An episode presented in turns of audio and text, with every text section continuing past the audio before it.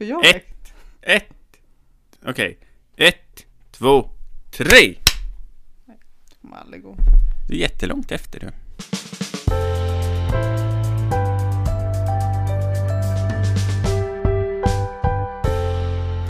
Då är ni välkommen till det första avsnittet av podden Ångermanland, en nyhetspodd från en redaktion som är bäst i världen på Ångermanland. Jag heter Anton Korén, har med mig Emma Wallenius, reporter i Sollefteå idag. Hallå där!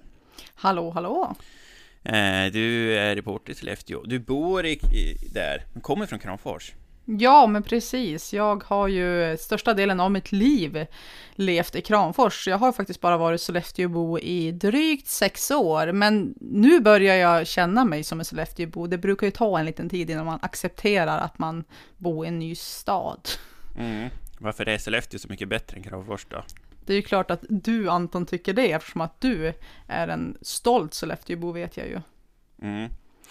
Eh, ja, fast jag har varit i alla fall. Jag kommer ju från Resele, men jag bor i Härnösand nu. Eh, jobbar i Kramfors. Jag känner mig mer hemma i Sollefteå än i Härnösand. Kan jag säga, än så länge, men det kommer väl. Eh, vi ska prata om eh, följderna av nedläggningen av BB i Sollefteå. Det har gått fem år sedan eh, BB lades ner och du, Emma, har tillsammans med kollegan Jörgen Sundin skrivit en längre artikel om det här apropå femårsdagen. Vad är, vad är det ni har fördjupat er då? Ja, vi har velat ta reda på hur det har påverkat de som bor här och hur liksom en nedläggning av BB sjukhus, hur det påverkar, alltså sjukhuset, hur påverkar det eh, föräldrarna i Sollefteå kommun? Vad, vad har hänt helt enkelt under de här fem åren? Det var lite, en liten fördjupning i det har vi gjort. Mm. Och du ska få berätta mer om det alldeles, alldeles snart. Eh, Först ska vi bara spåra tillbaks bandet lite grann och, och reflektera lite över de här fem åren som har gått då. Det var den första februari 2017 som BB i Sollefteå stängdes. Regionen ville spara motståndet från allmänheten och också lokala politiker i Sollefteå.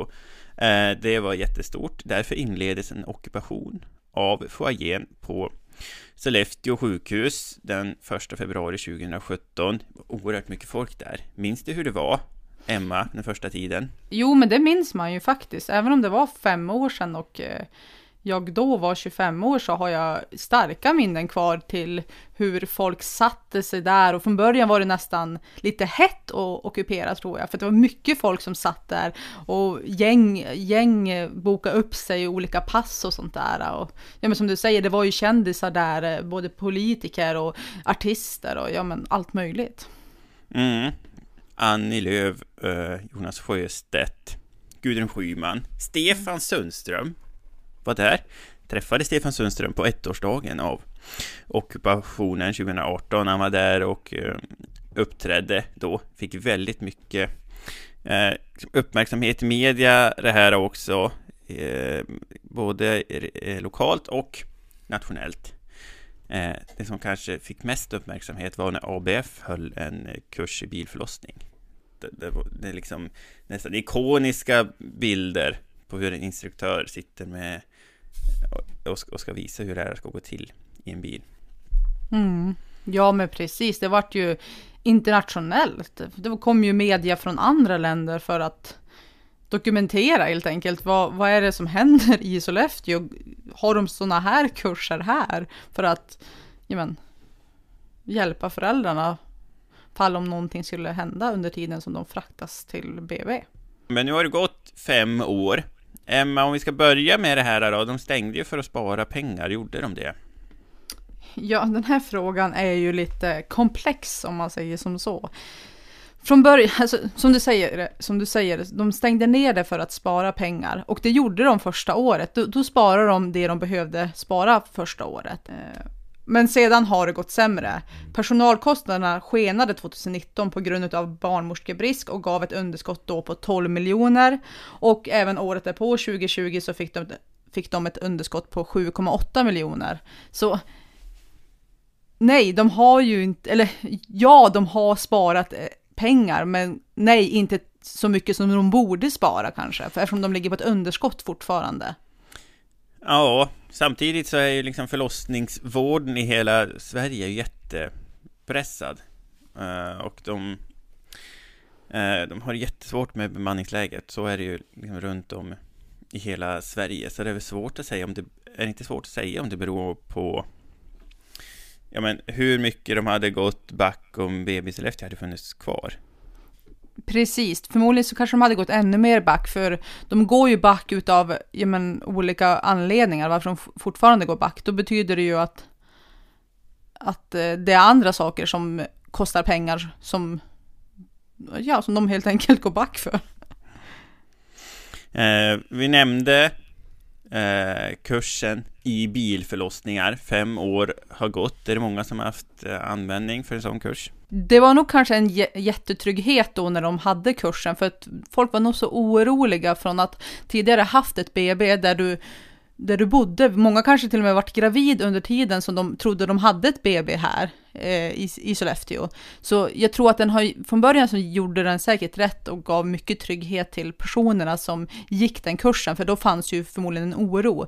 Men under de här fem åren så är det bara en person som har fött eh, i bilen från Sollefteås upptagningsområde. Så det, den har ju kanske inte behövt övats så många gånger. Kan man se om det har blivit liksom, komplikationer på andra vis i förlossningarna där man kan dra ett samband mellan de längre avstånden som har blivit? Nej, eller klart det har blivit en del komplikationer ändå, men det, ingen har i alla fall dött under de här fem åren. Och det har inte, ingen har skadat sig ordentligt liksom på grund av att de behövde fraktas 11 mil till ett BB. Men det har ju varit en bilförlossning, det har det ju varit. Mm. Och sen har det varit jättemånga oroliga föräldrar. Det, är ju, man, det beror ju på hur man väger, bara för att du inte har statistik på någon har dött så kanske oron har varit stor hos de flesta föräldrarna som behöver frakta sig så långt. Du har träffat en blivande förälder som heter Tova, som ju ger eh, uttryck för det här. Ja, men precis. Tova Modén heter hon. Hon är 22 år gammal och ska strax föda sitt första barn. Eh, och hon har varit så super att hon har velat vara med och dela med sig till oss om hennes oro och verkligen öppna upp sig för oss hur det känns att ja, men, vara i den situation som hon är just nu. Hon har 11 mil till BB, eh, det är hennes första barn och hon kommer föda någon gång nu i februari. Hon, är, hon säger det själv, hon är orolig över väglaget, hon är orolig att starta inte bilen, hon är orolig över vad händer om jag inte har batteri, alltså batteri på telefonen, om min sambo är ute och gör någonting och jag måste ringa till honom. Och så, alltså, det är så mycket saker som hon måste hela tiden tänka på, försöka ha liksom en plan A, B och C för att, för att försöka få kontroll på den här oron att det är så långt. Mm. Och, du, och det har ju också forskats på det här, på följderna av stängningen och då har det visat sig att, att Ja, och det är väl inte jätteförvånande kanske, men att oron är stor bland de blivande föräldrarna i Sollefteåområdet. Ja, men precis. Vi har pratat med en, med en tjej som heter Emily Larsson som eh, började forska i, vad, forska i nedläggningen av BB i Sollefteå och vad den, dess konsekvenser kommer att bli. Eh, så hon har i fyra års tid forskat i just det. Eh, hon har pratat med tio föräldrar som ska snart föda. Hon har pratat med barnmorskor, hon har pratat med chef, vad säger man, chef? Hon har pratat med, med olika slags eh, verksamhetschefer och eh, ja, men helt enkelt samlat ihop mycket info och då har hon ju kommit fram till att oron är betydligt större om man har så där långt till ett BB. Emelie Larsson har ju också sett att man tänker sig ofta en situation med två föräldrar som har en bil, men det finns ju faktiskt de som är ensamstående eller de som inte har ett socialt eh, kontaktnät som kan hjälpa dem att åka in till BB. Att de personerna som redan är utsatta blir extra utsatt när man har så långt till ett BB. Det kan jag äh, tänka mig. Jag har bekanta i Sollefteåområdet som har bott hos eh, släktingar eller kompisar i Övik eller i eh, Sundsvall när eh, det har börjat närma sig.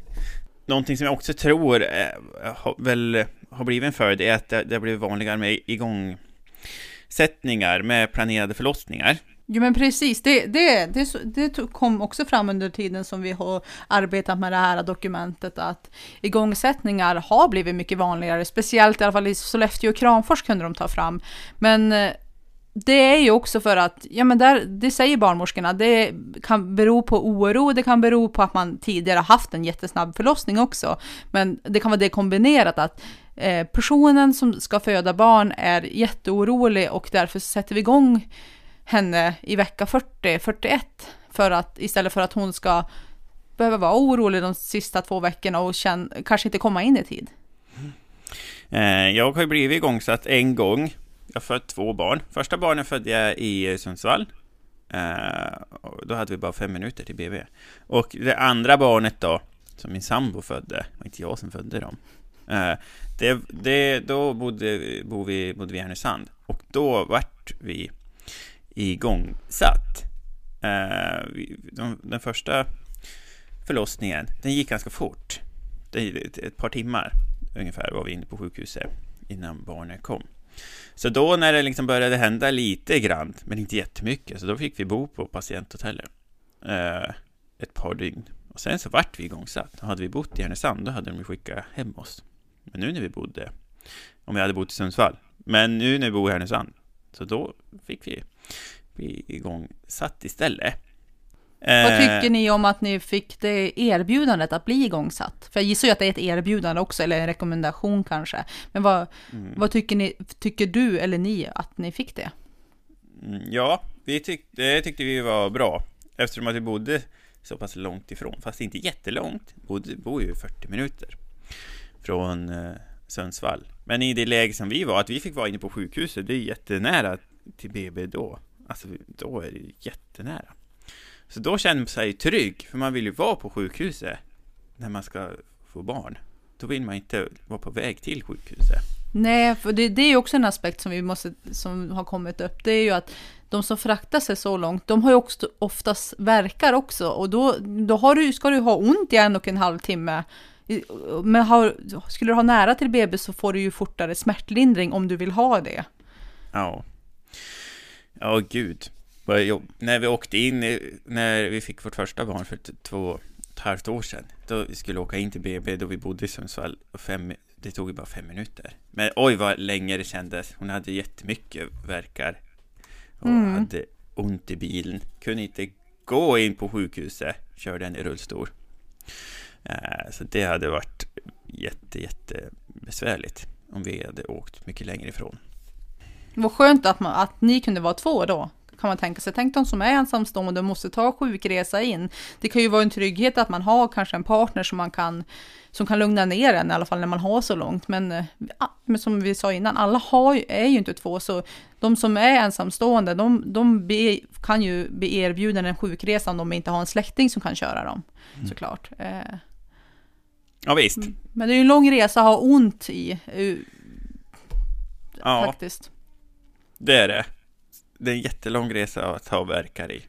Det vore inte inget som jag skulle vilja vara med om. BB-ockupationen då, den har ju pågått fem år. Eh, den första från 2017 till mars 2020, så då var det ju folk på plats i foajén på sjukhuset dygnet runt. Men då när det var pandemin, då flyttade de ut den, gjorde den digital är den fortfarande verksam, BB-ockupationen? Jo, men den är absolut fortfarande verksam. Den, den är högst levande. Mm -hmm. På vilket sätt då?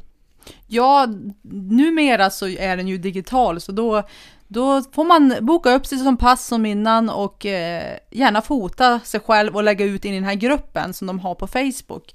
Eh, så ockuperar de där istället för i foajén. Men de har sagt att så fort eh, restriktionerna släpper så är tanken att de ska sätta sig nere i foajén igen. Ja, vi får se hur det blir med det. Glenn Nordlund, regionråd, eh, har ju varit med och eh, instiftat nya regler i regionens lokaler. Det var klart i somras att man får inte bedriva olika påverkans kampanjer, politiska kampanjer i regionens lokaler. Det var regionstyrelsen som eh, beslutade om det i eh, somras. Och då när han har fått frågan så här, eh, vad kan det här påverka BB-ockupationen, det här beslutet som ni har tagit? Då har han sagt ungefär, jag tycker att det vore bra om alla följde de här reglerna som vi har. Mm -hmm. och på frågan så här, kommer ni köra ut dem ur foajén? Då har han sagt ungefär, eh, det är bra om alla följer reglerna. Mm. Mm. Så vi får se hur det blir då, men just BB-frågan då? Alltså, målet fortfarande för BB-ockupation, det är ju att BB ska komma tillbaka. Lena Asplund, moderat regionråd, hon säger att det kommer inte hända. Nej, hon, hon är ju helt krasst och säger att hon tycker att BB-frågan faktiskt är död. Det finns mycket viktigare frågor för att utveckla på Sollefteå sjukhus än just den. Där lämnar vi BB-ockupationen för nu. Om man vill läsa mer i det här ämnet kan man göra det på vår sajt, tidningen ångermanland.se.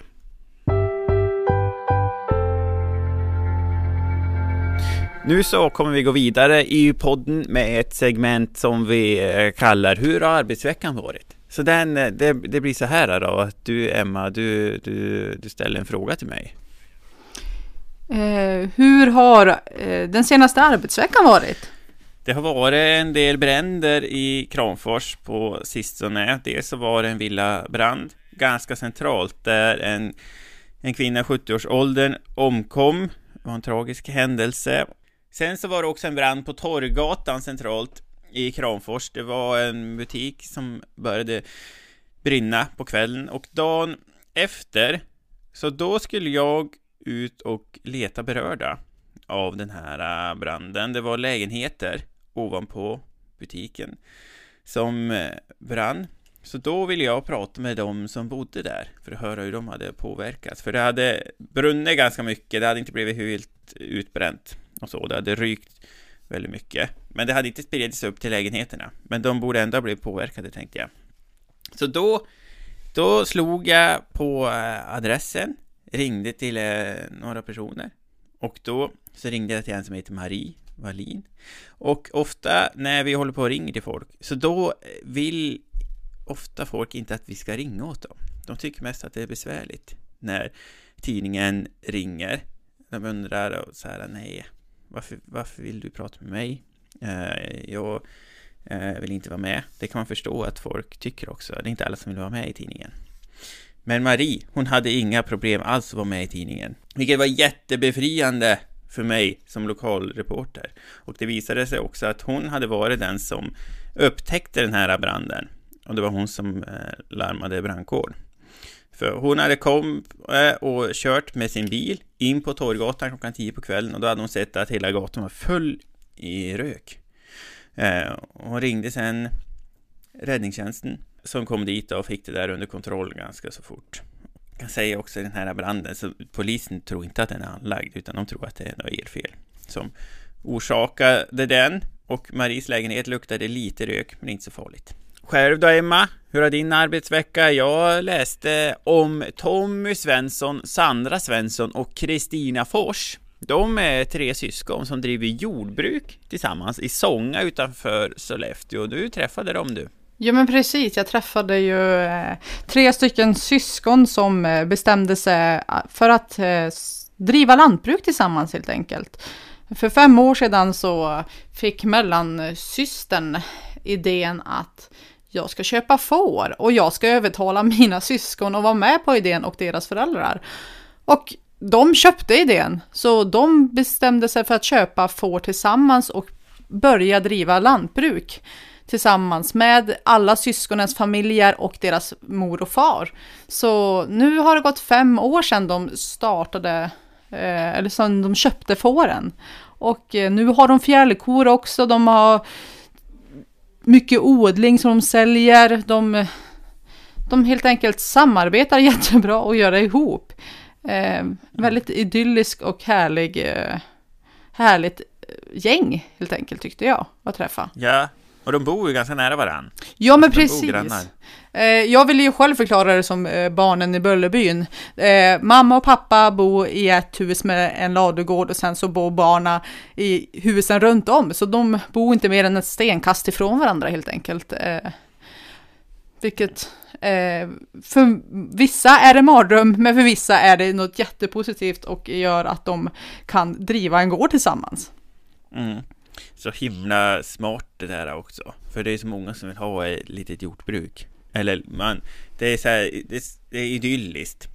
Och så det är många som vill ha lite djur och kanske lite, lite odling och så. Så himla smart att de gör det tillsammans. Ja men verkligen och att då kan de ju, de har vissa dagar när de tar hand om djuren så att det blir inte så mycket press på en familj bara utan ja men jag har onsdag och torsdag till exempel att då är det jag som tar hand om djuren sen så resten av tiden så arbetar jag på mitt vanliga jobb, jag kan göra de andra vars, vardagssysslorna istället för att känna att man ska göra allt själv så hjälps man åt helt enkelt så det är ju en, en genialisk idé tycker jag nästan att man gör, gör så. Mm. Och de har bra så här, syskonrelation och så. Ja, men det verkar i alla fall som så. De var väldigt synkade när jag intervjuade dem och de, den ena började prata, den andra avslutade meningen. De var verkligen, det märks att de har växt upp ihop och att de verkligen står varandra nära och att de umgås på vardaglig basis helt enkelt. Var det några gulliga djur då? Ja, det var ju så fina får och fjällkor. Lammen hade ju inte hunnit komma än, men, men jag var välkommen åt det när de skulle födas. Mm. Gulligt. Mm. Då så, det här var första avsnittet av podden Ångermanlanden görs av tidningen Ångermanland. Läs våra nyheter på vår sajt tidningenångermanland.se eh, Har man mobil, ladda hem appen för den är toppenbra. Här får man de senaste och bästa nyheterna från vårt område. Då så, Emma, ska vi säga så för idag? Det gör vi. Tack så mycket för att ni lyssnade. Hörs hej! Hej.